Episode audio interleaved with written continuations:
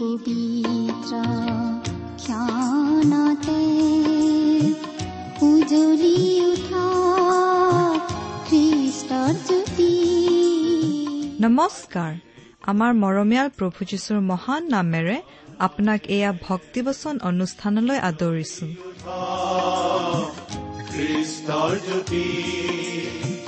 আকাশ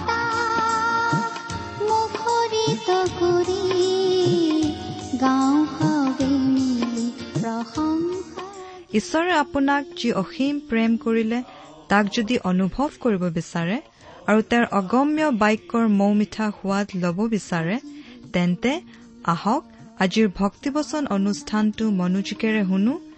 এয়া আপোনালৈ আগবঢ়াইছো ঈশ্বৰৰ জীৱন্ত বাক্যৰ অনুষ্ঠান ভক্তিবচন।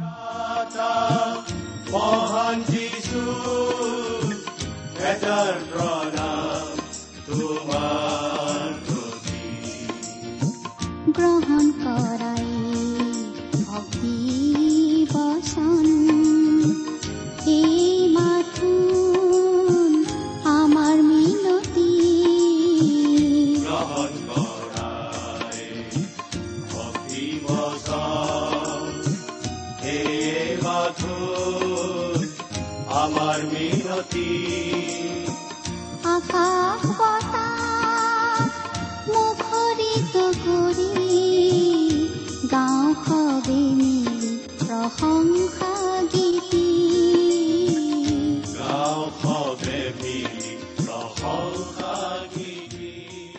আমাৰ পৰম পবিত্ৰ প্ৰভু যীশুখ্ৰীষ্টৰ নামত নমস্কাৰ প্ৰিয় শ্ৰোতা। আশা কৰো আপুনি আমাৰ এই অনুষ্ঠান নিয়মিতভাৱে শুনি আহিছে। আপুনি যে শুনি আহিছে সেই কথা আমাক জনোৱাৰ মাত্ৰ এটাই উপায় আছে। সেইটো হৈছে হাতত কলম তুলি লৈ এখিলা কাগজত বা এখন পোষ্টকাৰ্ডত আমালৈ দুষাৰিমান লিখি পঠিওৱা। অৱশ্যে লিখিলেই নহ'ব ঠিকনা লিখি পোষ্ট কৰিবও লাগিব। গতিকে অনুগ্ৰহ কৰি আমাৰ ঠিকনাটো লিখি লওকচোন। ভক্তিবচন টি ডব্লিউ আৰ ইণ্ডিয়া ডাক বাকচ নম্বৰ সাত শূন্য গুৱাহাটী সাত আঠ এক শূন্য শূন্য এক। ভক্তিবচন T W R India postbox number seventy Guwahati seven eight one zero' zero' one. আমাৰ website W W W dot radio' eight eight two dot com. প্ৰিয় শ্ৰোতা আমি আজি কিছুদিন ধৰি বাইবেলৰ নতুন নিয়ম খণ্ডৰ জোহনৰ প্ৰথম পত্ৰ নামৰ পুস্তকখন অধ্যয়ন কৰি আছো। নহয় জানো? আমি এই পুস্তকখন চমুকৈ প্ৰথম জোহন বুলিয়েই কওঁ।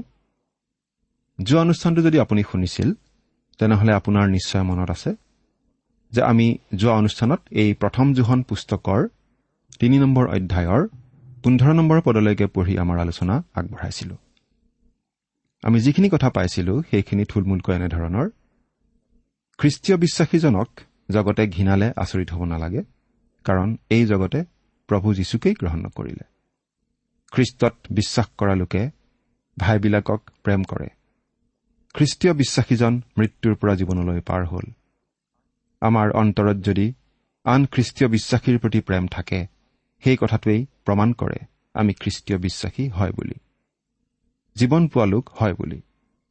যি লোকে আনক ঘীন কৰে তেওঁ নৰবধি তেওঁ মৃত্যুৰ অধীন। আজি আমি ষোল্ল নম্বৰ পদৰ পৰা আলোচনা আৰম্ভ কৰিম।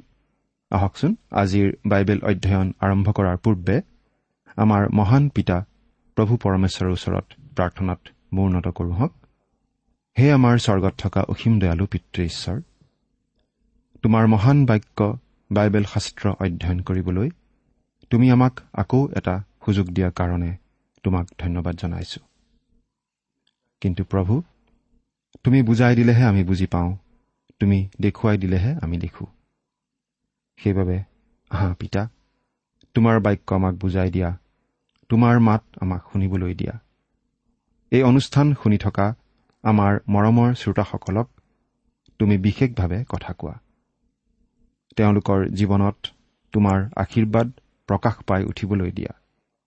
কিয়নো এই প্ৰাৰ্থনা আমাৰ মহান ত্ৰাণকৰ্তা মৃত্যুঞ্জয় প্ৰভু যীশুৰ নামত আগবঢ়াইছো। আমেন। আহকচোন প্ৰিয় শ্ৰোতা এতিয়া আমি বাইবেল অধ্যয়ন আৰম্ভ কৰোঁ হওক। যোৱা অনুষ্ঠানত আমি প্ৰথম জোহন পুস্তকৰ তিনি নম্বৰ অধ্যায়ৰ পোন্ধৰ নম্বৰ পদলৈকে চালো। আৰু এতিয়া আমি এই তিনি নম্বৰ অধ্যায়ৰ ষোল্ল নম্বৰ পদৰ পৰা একেবাৰে চৌব্বিছ নম্বৰ পদলৈকে আমাৰ আলোচনা আগবঢ়াব খুজিছো। আমি বাইবেলৰ পৰা চাই যাম। অনুগ্ৰহ কৰি মন দি শুনিবচোন। প্ৰথম জোহন তৃতীয় অধ্যায় ষোল্ল পদ। তেওঁ আমাৰ কাৰণে নিজৰ প্ৰাণ দিয়াতেই আমি প্ৰেমৰ তত্ত্ব জানিবলৈ পালো আৰু আমিও ভাইবিলাকৰ কাৰণে নিজ নিজ প্ৰাণ দিয়া উচিত। তেওঁ আমাৰ কাৰণে নিজৰ প্ৰাণ দিয়াতেই আমি প্ৰেমৰ তত্ত্ব জানিবলৈ পালো। তেওঁ মানে প্ৰভু যীশুৰ কথা কোৱা হৈছে। আমি ঈশ্বৰৰ প্ৰেম কেনেকুৱা সেই কথা বুজি পাব পৰা হলো। কেনেকৈ? তেওঁ আমাৰ কাৰণে নিজৰ প্ৰাণ দিয়াতেই। প্ৰকৃত ঐশ্বৰিক প্ৰেম কেনেকুৱা? সেই কথা আমাক প্ৰভু যীশুৱে দেখুৱাই দিলে আমাৰ কাৰণে নিজৰ প্ৰাণ দিয়া কাৰ্যৰ দ্বাৰা। এয়েই প্ৰেমৰ মানদণ্ড। আমি প্ৰেম বুলি ক'লে যি বুজো আচলতে বাইবেলত তাতকৈ অতি গভীৰ অৰ্থ কৰা হৈছে। প্ৰকৃত প্ৰেম কেনেকুৱা? সেই কথা প্ৰভু যীশুৱে কাৰ্যৰ দ্বাৰা প্ৰকাশ কৰি দেখুৱাইছে। প্ৰভু যীশু এই জগতলৈ আহিছিল আমাক উদ্ধাৰ কৰিবলৈ। আমাক উদ্ধাৰ কৰিবলৈ তেওঁ ক্ৰুচৰ ওপৰত আপোন প্ৰাণ দিলে। আৰু তৃতীয় দিনা পুনৰ জি উঠিল। তেওঁ আমাৰ পাপৰ শাস্তি নিজে ললে। পাপৰ শাস্তি মৃত্যু। সেই মৃত্যু আমাৰ হৈ তেওঁ নিজে বহন কৰিলে। কিয়? কাৰণ তেওঁ আমাক প্ৰেম কৰে। প্ৰতিজন মানুহকেই তেওঁ প্ৰেম কৰে। আনকি তেওঁক ঘীন কৰা মানুহজনকো তেওঁ প্ৰেম কৰে। সেই প্ৰেম আমি সম্পূৰ্ণৰূপে বুজি পোৱাটো সহজ নহয়।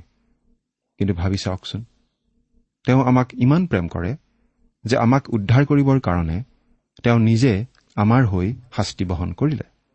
আমাৰ ঠাইত তেওঁ চাবুকৰ কোব খালে। আমাৰ ঠাইত তেওঁ ক্ৰুচীয় মৃত্যু বহন কৰিলে যাতে তেওঁত বিশ্বাস কৰি আমি আমাৰ পাপৰ ক্ষমা লাভ কৰিব পাৰোঁ আৰু অনন্ত জীৱন লাভ কৰিব পাৰোঁ। আমি আনকি এই প্ৰেম পোৱাৰ যোগ্যই নহয়। তথাপি তেওঁ আমাক প্ৰেম কৰিলে। প্ৰকৃত প্ৰেমৰ এই উচ্চ মানদণ্ড ঈশ্বৰে আমাৰ আগত ৰাখিছে। আমি প্ৰতিজন খ্ৰীষ্টীয় বিশ্বাসীয়ে এনেকুৱা এটা মানদণ্ডৰ প্ৰেম আন ভাইসকলৰ প্ৰতি প্ৰদৰ্শন কৰিব পৰাটোহে আচল কথা।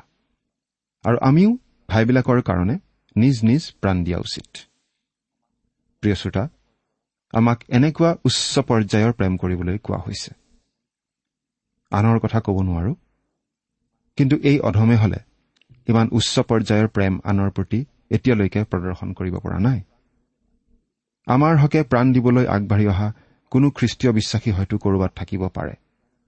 হয়তো ক'ৰবাত এনেদৰে কোনোবাই আন খ্ৰীষ্টীয় বিশ্বাসীৰ হকে প্ৰাণ দিছে। কিন্তু আমি নিজক প্ৰশ্ন কৰি চোৱা উচিত। আমি বাৰু আন খ্ৰীষ্টীয় বিশ্বাসীক ইমান প্ৰেম কৰোনে যে আনৰ বাবে প্ৰাণ দিবলৈকো আমি সাজু? এজন বিখ্যাত বাইবেল প্ৰচাৰকে তেওঁৰ এটা ব্যক্তিগত অভিজ্ঞতাৰ কথা কওঁতে এনেদৰে কৈছিল। মোৰ কেঞ্চাৰ ৰোগ হৈছিল। তেতিয়া মই কেইবাজনো খ্ৰীষ্টীয় বিশ্বাসী ভাই লগ পাইছিলো আৰু তেওঁলোকে মোৰ কেঞ্চাৰ বেমাৰটো তেওঁলোকৰ গালৈ যাওক আৰু মই সুস্থ হওঁ এনে আশা ব্যক্ত কৰিছিল। তেওঁলোকৰ সেই কথা শুনি মই অভিভূত হৈছিলো। মোক যে মোৰ খ্ৰীষ্টীয় বিশ্বাসী ভাই ভনীসকলে ইমান ভাল পায় সেই কথা মই সেইদিনাহে উপলব্ধি কৰিছিলো। তেওঁলোকে বিচাৰিছিল মই যাতে জীয়াই থাকো আৰু মই চলাই থকা বাইবেল অধ্যয়নৰ অনুষ্ঠানটো যাতে চলাই থাকিব পাৰোঁ। মই জানো মোৰ কেঞ্চাৰ বেমাৰটো তেওঁলোকে ল'ব নোৱাৰে। মোৰ বেমাৰ মোতেই থাকিব। বেমাৰৰ কষ্ট ময়েই সহিব লাগিব। কিন্তু তেওঁলোকে সেই বেমাৰ ল'ব নোৱাৰিলেও বেমাৰটো ল'বলৈ যে ইচ্ছা প্ৰকাশ কৰিছিল সেই কথাটোৱে মোৰ হৃদয়ত মোৰ অন্তৰত সাংঘাতিক ধৰণে প্ৰভাৱ পেলাইছিল। প্ৰিয় শ্ৰোতা এনেকুৱা প্ৰেম কেৱল খ্ৰীষ্টইহে আমাৰ বাবে সম্ভৱ কৰি তোলে। খ্ৰীষ্টক গ্ৰহণ কৰাৰ পাছত আমি আনকি শত্ৰুকো প্ৰেম কৰিব পৰা হ'ব পাৰোঁ। আৰু সেই প্ৰেম আচলতে আমি খ্ৰীষ্টৰ পৰাই পাওঁ। কাৰণ খ্ৰীষ্টক গ্ৰহণ কৰি আমি আম্মিকভাৱে নতুন জন্ম লাভ কৰি ঈশ্বৰৰ সন্তান হওঁ আৰু লাভ কৰোঁ এটা নতুন প্ৰকৃতি। গতিকে আনক প্ৰেম কৰাটো আমাৰ বাবে আচলতে অসম্ভৱ হৈ নাথাকে। আমি কেৱল তেনেকুৱা প্ৰেম প্ৰদৰ্শন কৰিবলৈকে হাবিয়াস কৰিব লাগিব। ঈশ্বৰে যে আমাক প্ৰেম কৰে তাৰ প্ৰমাণ তেওঁ দিছে। আমাৰ হকে ক্ৰুচত মৰি দিবলৈ তেওঁ নিজৰ একেজাত পুত্ৰ যীশুখ্ৰীষ্টকে আমালৈ দান কৰিলে। গোটেই মানৱ জাতিকেই তেওঁ প্ৰেম কৰে। আৰু গোটেই মানৱ জাতিৰ পাপ মোচনৰ বাবেই খ্ৰীষ্টই ক্ৰুচত আপোন প্ৰাণ দিলে। প্ৰেমৰ মানদণ্ড এয়েই। তেওঁৱেই আমাৰ আদৰ্শ। সেইবাবে জোহনে কৈছে আমিও ভাইবিলাকৰ কাৰণে নিজৰ প্ৰাণ পৰ্যন্ত দিবলৈ ইচ্ছা কৰিব পৰা হ'ব লাগিব। তেতিয়াহে প্ৰকৃত খ্ৰীষ্টীয় প্ৰেম প্ৰকাশ কৰা হ'ব। আমি হয়তো এতিয়াও আন খ্ৰীষ্টীয় বিশ্বাসীসকলৰ প্ৰতি প্ৰেম প্ৰদৰ্শন কৰি আছো। কিন্তু যেতিয়ালৈকে আমি সেই উচ্চ পৰ্যায়ৰ প্ৰেম প্ৰদৰ্শন কৰিব পৰা নহওঁ তেতিয়ালৈকে আমি প্ৰকৃত খ্ৰীষ্টীয় প্ৰেম প্ৰদৰ্শন কৰিব পৰা নাই বুলিয়েই ক'ব লাগিব। এতিয়া প্ৰশ্ন হ'ল আনৰ বাবে প্ৰাণ দিব লগা অৱস্থা হয়তো কেতিয়াও নহ'ব পাৰে। তেনেকুৱা পৰিস্থিতিৰ সৃষ্টি নহ'ব পাৰে। তেতিয়াহ'লে আমাৰ প্ৰেম কেনেদৰে প্ৰকাশ পাব লাগিব? আমাৰ দৈনন্দিন জীৱনৰ কাম কাজৰ যোগেদিয়েই প্ৰেম প্ৰকাশ পাই উঠিব পাৰে। সেই কথা আমাক ইয়াত বুজাই দিয়া হৈছে। সোতৰ নম্বৰ পদটো পঢ়ি দিছো। যিজনৰ সাংসাৰিক জীৱিকাৰ উপায় আছে তেওঁ নিজ ভাইৰ অভাৱ দেখি যদি তেওঁৰ পৰা নিজ স্নেহ আটক কৰে তেন্তে ঈশ্বৰৰ প্ৰেম কেনেকৈ তেওঁৰ অন্তৰত থাকে? আমাক ইয়াত এই কথাটো বুজাই দিয়া হৈছে। যে প্ৰেম এটা মাত্ৰ আৱেগ বা অনুভূতি নহয় কিন্তু প্ৰেম কাৰ্যৰ দ্বাৰা প্ৰকাশ পাই উঠিবই। এই বিষয়ে জাকুবে লিখা পত্ৰটো আমি বহু কথা পঢ়িবলৈ পাওঁ। জাকুবে এনেদৰে লিখিছিল কোনো ভাই বা ভনী উদঙে আৰু দৈনিক আহাৰ নোপোৱাকৈ থাকিলে তোমালোকৰ মাজৰ কোনোৱে যদি তেওঁবিলাকক কয় তোমালোকে উম লগাই তৃপ্ত হৈ কুশলে যোৱা। কিন্তু তেওঁবিলাকক শৰীৰৰ প্ৰয়োজনীয় বস্তু নিদিয়া তেন্তে কি লাভ? জাকুব দুই অধ্যায় পোন্ধৰ আৰু ষোল্ল পদ। কোনো কোনো লোক এনেকুৱাও আছে যে তেওঁলোকৰ ওচৰলৈ কোনো অভাৱী লোক আহিলে তেওঁলোকে কেৱল কয় তোমাৰ কাৰণে মই প্ৰাৰ্থনা কৰিম বাৰু। প্ৰাৰ্থনা কৰাটো নিশ্চয় ভাল কথা। কিন্তু আমি কাৰ্যৰ দ্বাৰা আমাৰ প্ৰেম প্ৰকাশ কৰিছো নে নাই সেইটো সমানেই গুৰুত্বপূৰ্ণ। ঈশ্বৰে আমাক যিখিনি দিছে সেইখিনিৰ যোগেদিয়েই আমি আনৰ প্ৰতি প্ৰেম প্ৰদৰ্শন কৰিব নোৱাৰোনে? অভাৱত থকা লোকক অলপ হলেও সহায় কৰিব নোৱাৰোনে? আমাৰ যি ধন সম্পত্তি আছে সেইখিনি আমি লগত লৈ যাব নোৱাৰো। আমি যেতিয়া প্ৰভু যীশুৰ সন্মুখলৈ আহিব লাগিব তেতিয়া আমাৰ সকলো ধন সম্পত্তি এই পৃথিৱীতে থাকি যাব। তেতিয়া আমি হয়তো দুখ বা আক্ষেপ কৰিব লগা হ'ব যদিহে আমি এই পৃথিৱীত জীয়াই থকা সময়তে আমাৰ ধন সম্পত্তিৰে প্ৰভুৰ পৰিচৰ্যা নকৰো। যদিহে আমি প্ৰভুৱে আমাক দিয়া ধন সম্পত্তিৰে আন ভাই ভনীসকলক সুবিধা পায়ো সহায় নকৰো। এই কথাটো আমি প্ৰায়েই চিন্তা নকৰো। কিন্তু সময় উকলি যোৱাৰ পাছত দুখ কৰি জানো কিবা লাভ হ'ব। গতিকে সুবিধা পালেই আমি আমাৰ ধন সম্পত্তিৰ দ্বাৰা আন অভাৱত থকা ভাই ভনীক সহায় কৰি খ্ৰীষ্টৰ সেৱা কৰা উচিত নহয়নে বাৰু? পৰিয়ালৰ মাজত প্ৰেমৰ কথা কোৱাটো সহজ। নিজৰ ঘৰৰ মানুহক নিজৰ আপোন মানুহক সকলোৱে প্ৰেম কৰে সহায় কৰে। নিজৰ পৰিয়ালৰ ভৰণ পোষণৰ কাৰণে মানুহে দিনৰ দিনটো হাৰ ভঙা পৰিশ্ৰম কৰে। মূৰৰ ঘাম মাটিত পেলাই কষ্ট কৰে। কিয়? কাৰণ নিজৰ ল'ৰা ছোৱালী পৰিবাৰ আৰু আত্মীয় স্বজনৰ প্ৰতি মানুহৰ অন্তৰত প্ৰেম থাকে। আৰু সেই প্ৰেমৰ কাৰণেই মানুহে কষ্ট কৰে। দিনে নিশাই কষ্ট কৰিব লগা হলেও আপত্তি নকৰে। দুখমোকালিতে উঠি ঘৰৰ বাহিবন কৰি ল'ৰা ছোৱালী স্বামীক খুৱাই বোৱাই স্কুল কলেজ অফিচলৈ বা কামলৈ পঠিওৱা মাইকী মানুহগৰাকীয়ে হয়তো মাজ নিশালৈকে ঘৰৰ যাৱতীয় কাম কাজ কৰি থাকে। কোনো আপত্তি নকৰাকৈ। কিয়? নিজৰ ল'ৰা ছোৱালী নিজৰ স্বামীৰ প্ৰতি থকা প্ৰেম। সেই কষ্টৰ বিনিময়ত মাইকী মানুহগৰাকীক হয়তো কোনেও কেতিয়াও একো নিদিব পাৰে। তাৰ বাবে তেওঁ একো দৰমহাও আশা নকৰে। কিন্তু নিজৰ সন্তান নিজৰ স্বামীৰ প্ৰতি থকা প্ৰেমৰ কাৰণেই তেওঁ কাম কৰি যায়। বছৰৰ পিছত বছৰ ধৰি। চিন্তা কৰি চাওকচোন প্ৰিয় শ্ৰোতা। প্ৰকৃত প্ৰেম প্ৰকৃত ভালপোৱা কামৰ মাজেদি প্ৰকাশ পাই উঠিবই। নহয় জানো? আমাৰ পৰিয়ালত এই কথা আমি সদায় দেখি আহিছো। এইটো অতি স্বাভাৱিক কথা। কিন্তু সেই একেধৰণৰ পৰিৱেশ এটা আমি বাৰু খ্ৰীষ্টীয় বিশ্বাসী ভাই ভনীসকলৰ মাজত দেখোনে? খ্ৰীষ্টীয় ভাই ভনীৰ মাজত খ্ৰীষ্টীয় মণ্ডলীত প্ৰেম থকা উচিত। আৰু আমি প্ৰেম থকা বুলি কেৱল মুখেৰে কৈ থাকিলে নহ'ব। আমাৰ কাৰ্যৰ যোগেদি প্ৰেম প্ৰকাশ পাই উঠিব লাগিব। আমি পৰস্পৰৰ হিতৰ বাবে কিবা নহয় কিবা কৰি দেখুৱাব লাগিব। যদিহে আমাৰ কাৰ্যৰ যোগেদি প্ৰেম প্ৰকাশ পোৱা নাই তেন্তে আমি আচলতে দুদলীয়া মানুহৰ নিচিনা বুলিহে ক'ব লাগিব। খ্ৰীষ্টীয় ভাই ভনীসকলৰ প্ৰতি যদি আমাৰ প্ৰেম আছে। সেই কথা আমি খ্ৰীষ্টীয় ভাই ভনীসকলৰ কাৰণে কি কৰোঁ তাৰ যোগেদি প্ৰমাণিত হ'ব। কথাৰে নহয় কামেৰে প্ৰকাশ পাব। আৰু জিভাখন ভৰিতকৈ বহুত বেগী। কিন্তু প্ৰকৃত খ্ৰীষ্টীয় বিশ্বাস মূৰ বা জিভাৰ বস্তু নহয় অন্তৰৰ বস্তু। ইয়াতে আমাক পাচনি জোহনে অতি স্পষ্টভাৱে জনাই দিছে যদিহে আমি ঈশ্বৰৰ সন্তান তেন্তে আমি এনেধৰণৰ প্ৰেম প্ৰকাশ কৰিমেই। এতিয়া ওঠৰ নম্বৰ পদটো পঢ়ি দিছো। হে বোপাহঁত আহা আমি কেৱল বাক্যেৰে বা জীৱাৰে নহয় কৰ্ম আৰু সত্যৰে প্ৰেম কৰোঁ হওক। কথাৰে নহয় কিন্তু কামৰ যোগেদি আমাৰ প্ৰেম প্ৰকাশ পাই উঠিব লাগিব। আমাৰ প্ৰেম হ'ব লাগিব আত্মত্যাগ কৰিব পৰা প্ৰেম। আমি আনৰ কাৰণে জীৱন দিব লগা পৰিস্থিতি হয়তো নহ'ব পাৰে। কিন্তু আমি আমাৰ বয় বস্তু সা সম্পত্তি আদিৰে প্ৰেম প্ৰকাশ কৰিব লগা নিশ্চয় হ'ব। আৰু আমি তেনেকুৱা কৰিবলৈ সাজু থাকিব লাগিব। কাৰণ খ্ৰীষ্টীয় বিশ্বাসৰ সম্বন্ধ হৈছে প্ৰেমৰ সম্বন্ধ। ঊনৈছ নম্বৰ পদটো পঢ়ি দিছো। ইয়াৰ দ্বাৰাই আমি জানিম যে আমি সত্যৰ পৰা হওঁ। আৰু যিকোনো কথাত আমাৰ হৃদয়ে আমাক দোষী কৰে সেই কথাত আমি তেওঁৰ সাক্ষাতে নিজ নিজ হৃদয় আশ্বাসযুক্ত কৰিম। ইয়াত জোহনে যিবোৰ কথা উল্লেখ কৰিছে সেইবোৰ যদি আমাৰ জীৱনৰ যোগেদি প্ৰকাশ পায় তেতিয়াহ'লে আমি প্ৰাৰ্থনাৰে ঈশ্বৰৰ কাষ চপাৰ সময়ত অন্তৰত এটা বিশেষ ধৰণৰ নিশ্চয়তা উপলব্ধি কৰিব পাৰিম। জোহনে আমাক এই বুলিও কৈছে যে প্ৰভু যীশুৰ পুনৰ আগমনৰ সময়ত কোনো কোনো খ্ৰীষ্টীয় বিশ্বাসী লাজত পৰিবলগীয়াও হ'ব পাৰে। বহুতো লোকে খ্ৰীষ্টৰ পুনৰ আগমনৰ কথা কয়। কিন্তু সেই কথালৈ ব্যস্ত খুব কমেইহে হয়। প্ৰভু যীশু আকৌ আহিব বুলি জানি আমি হাতে কামে লাগি যোৱা উচিত নহয়নে বাৰু? আমি যেতিয়া প্ৰভু যীশুৰ মুখামুখি হ'ম সেইদিনা প্ৰভু যীশুৱে আমাৰ পৰা ফল বিচাৰিব।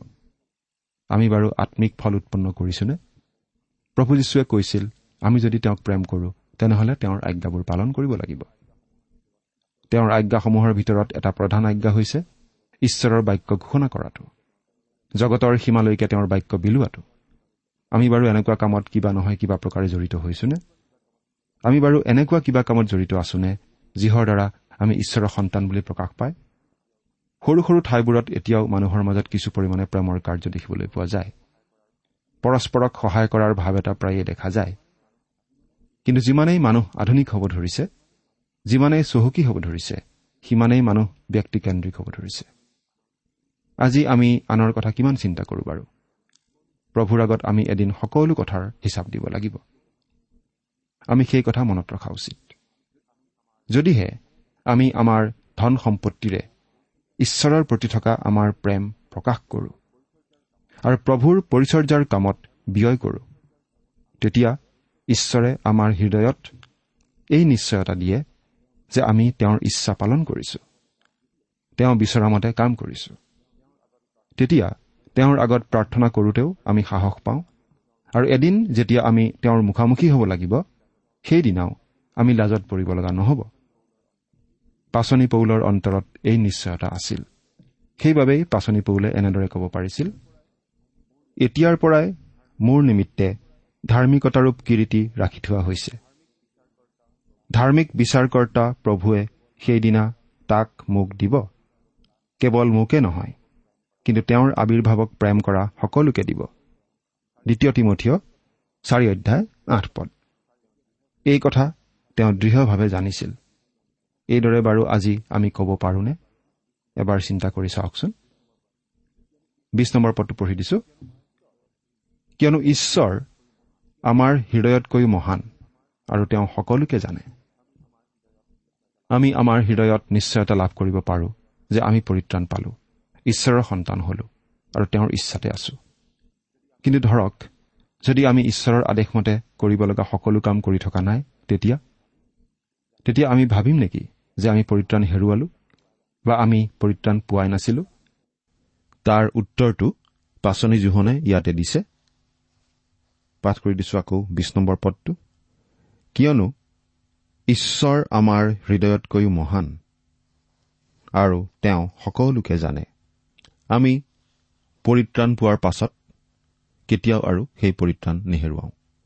কিন্তু পৰিত্ৰাণৰ আনন্দ অন্তৰত থকা পৰিত্ৰাণৰ যি নিশ্চয়তা সেই আনন্দ সেই নিশ্চয়তা আমি হয়তো হেৰুৱাব পাৰোঁ। কিন্তু আমাৰ অন্তৰতকৈ ঈশ্বৰ ডাঙৰ। আমাৰ অন্তৰত নিশ্চয়তা নাথাকিলেও ঈশ্বৰে আমাৰ প্ৰাৰ্থনাৰ উত্তৰ দিব। এইটো নিশ্চয় এটা গুৰুত্বপূৰ্ণ কথা। এতিয়া একৈশ নম্বৰ পদটো পঢ়ি দিম। হে প্ৰিয়বিলাক আমাৰ হৃদয়ে যদি আমাক দোষী নকৰে তেন্তে ঈশ্বৰৰ উদ্দেশ্যে আমাৰ সাহ আছে। এৰা আমাৰ অন্তৰে আমাৰ হৃদয়ে যদি আমাক নুদোষে তেন্তে আমি প্ৰাৰ্থনা কৰা সময়ত এটা বিশেষ ধৰণৰ নিশ্চয়তা বিশেষ ধৰণৰ সাহস পাওঁ। আৰু যদিহে আমাৰ অন্তৰ আমাৰ হৃদয়ে আমাক নুদোষে তেনেকুৱা অৱস্থাত আমি প্ৰাৰ্থনা কৰিও ভাল পাওঁ। কিন্তু আমাৰ হৃদয়ত যদি সেই সাহস নাথাকে তেতিয়াহ'লে আমাৰ বাবে প্ৰাৰ্থনা এটা বুজাৰ নিচিনা হৈ পৰে। প্ৰাৰ্থনা কৰিবলৈ আমাৰ মন নোযোৱা হৈ পৰে। এনেকুৱা অভিজ্ঞতা আপোনাৰ কেতিয়াবা হৈছেনে বাৰু? সেইবাবেই আমি অন্তৰত সেই সাহস সেই নিশ্চয়তা লাভ কৰিবলৈ হাবিয়াস কৰা উচিত। কেনেদৰে আমি পাব পাৰোঁ সেই সাহস সেই নিশ্চয়তা? ঈশ্বৰৰ প্ৰতি বাধ্যতাপূৰ্ণ জীৱন যাপন কৰাৰ যোগেদি। এতিয়া বাইছ নম্বৰ পদটো পঢ়িম। আৰু আমি যিহকে যাচনা কৰো তাকেই আমি তেওঁৰ পৰা পাওঁ। কিয়নো আমি তেওঁৰ আজ্ঞাবোৰ পালন কৰো আৰু তেওঁৰ দৃষ্টিত যি যি সন্তোষজনক তাকে কৰো। আমাৰ অন্তৰখনে যেতিয়া আমাক নুদোষে তেতিয়া আমি সাহসেৰে প্ৰাৰ্থনা কৰিব পৰা হওঁ আৰু তেতিয়া আমি আমাৰ প্ৰাৰ্থনাৰ উত্তৰো সহজেই পাওঁ। তেইছ নম্বৰ পদ। তেওঁৰ পুত্ৰ যীশুখ্ৰীষ্টৰ নামত আমি যেন বিশ্বাস কৰো আৰু তেওঁ আমাক দিয়া আজ্ঞাৰ দৰে যেন আমি পৰস্পৰে প্ৰেম কৰো এয়ে তেওঁৰ আজ্ঞা। অৰ্থাৎ প্ৰভু যীশুক গ্ৰহণ কৰিবলৈ যেনেকৈ পিতৃশ্বৰে আমাক আজ্ঞা কৰিলে তেনেকৈ পৰস্পৰক প্ৰেম কৰাটো আমালৈ ঈশ্বৰে দিয়া এটা আজ্ঞা। চৌবিশ নম্বৰ পদ। আৰু যিজনে তেওঁৰ আজ্ঞাবোৰ পালন কৰে তেওঁ তেওঁত থাকে। আৰু তেওঁ তেওঁত থাকে। আৰু তেওঁ যে আমাত থাকে ইয়াকে তেওঁ আমাক দিয়া আত্মাৰ দ্বাৰাই আমি জানো। প্ৰিয় শ্ৰোতা আমি যেতিয়া ঈশ্বৰৰ প্ৰতি বাধ্যতাৰ প্ৰদৰ্শন কৰি জীৱন কটাওঁ তেতিয়া পবিত্ৰ আত্মাই এই সকলো কথা আমাক দেখুৱাই দিয়ে। আমাৰ অন্তৰত বিশেষ সাহস বিশেষ নিশ্চয়তা দিয়ে। প্ৰভু যীশুৱে এই বুলি কৈছিল তোমালোকে যদি মোক প্ৰেম কৰা তেন্তে মোৰ আজ্ঞাবোৰ পালন কৰিবা। জোহনে লিখা শুভবাৰ্তা চৈধ্য নম্বৰ অধ্যায়ৰ পোন্ধৰ নম্বৰ পদ। প্ৰিয় শ্ৰোতা আপুনি বাৰু প্ৰভু যীশুখ্ৰীষ্টক প্ৰেম কৰেনে? তেনেহলে প্ৰভু যীশুখ্ৰীষ্টৰ আজ্ঞাবোৰ আপুনি বাৰু পালন কৰি চলিছেনে? চিন্তা কৰি চাওকচোন। ঈশ্বৰে আপোনাক আশীৰ্বাদ কৰক।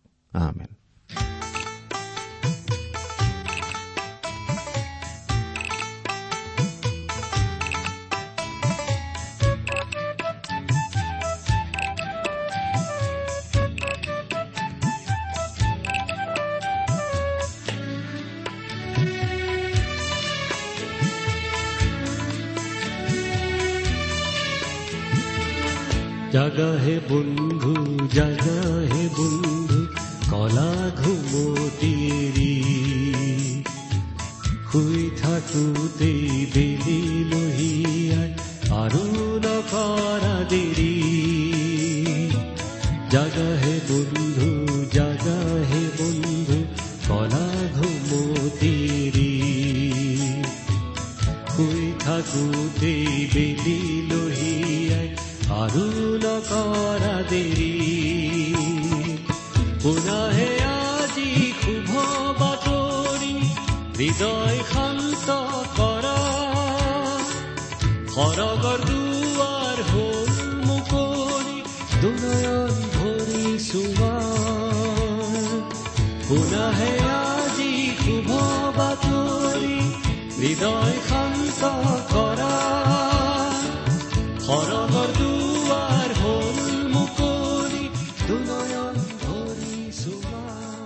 ইমান পৰে আপুনি ভক্তিবচন অনুষ্ঠানটি শুনিলে? এই বিষয়ে আপোনাৰ মতামত জানিবলৈ পালে আমি নথৈ আনন্দিত হ'ম। আমি প্ৰস্তুত কৰা বাইবেল অধ্যয়নৰ আন চিডিসমূহ পাব বিচাৰিলেও আমালৈ লিখক। অনুষ্ঠানটি শুনি কেনে পালে? আমালৈ চিঠি লিখি জনাবচোন। অনুষ্ঠানত প্ৰচাৰ কৰা কোনো কথা বুজিব লগা থাকিলেও আমালৈ লিখক। আমাৰ ঠিকনা?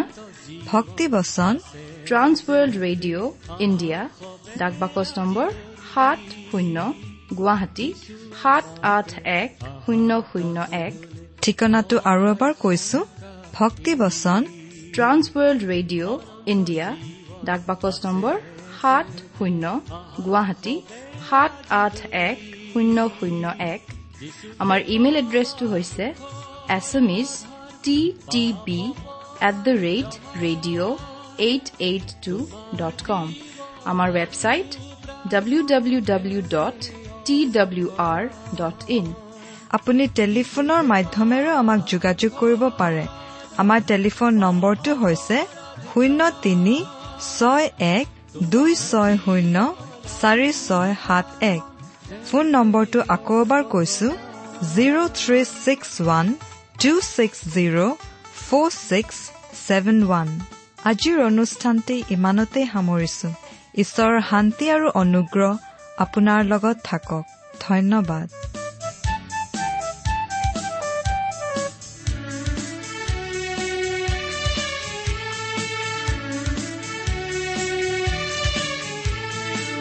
যিচুৱে মাতে আহা কাষৰে ভয় শংকা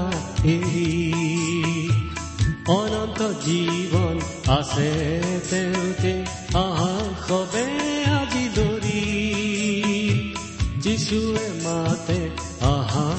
কাষৰে ভয় শংকা এৰি অনন্ত জীৱন আছে তেওঁতে আহা সবে আজি দৰি যিচুতে পাবা সুখৰ আধাৰ পাপ অপৰাধ ক্ষমা তোমাৰ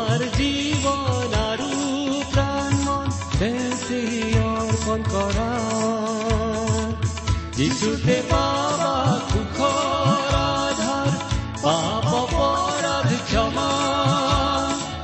তোমাৰ জীৱন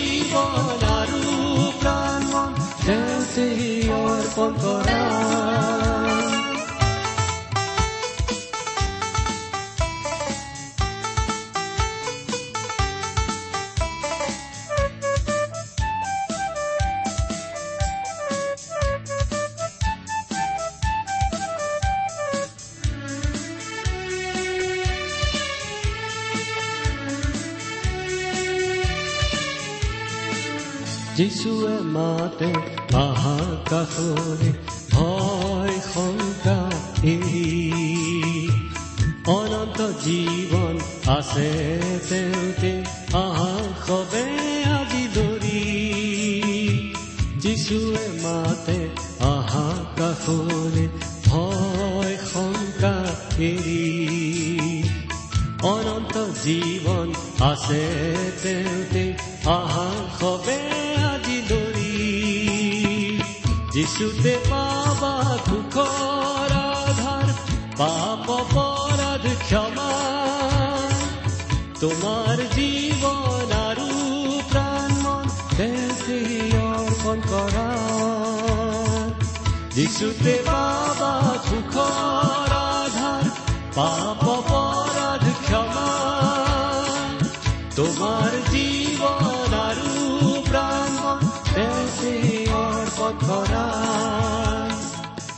জাগা হে বন্ধু জাগা হে বন্ধু কলা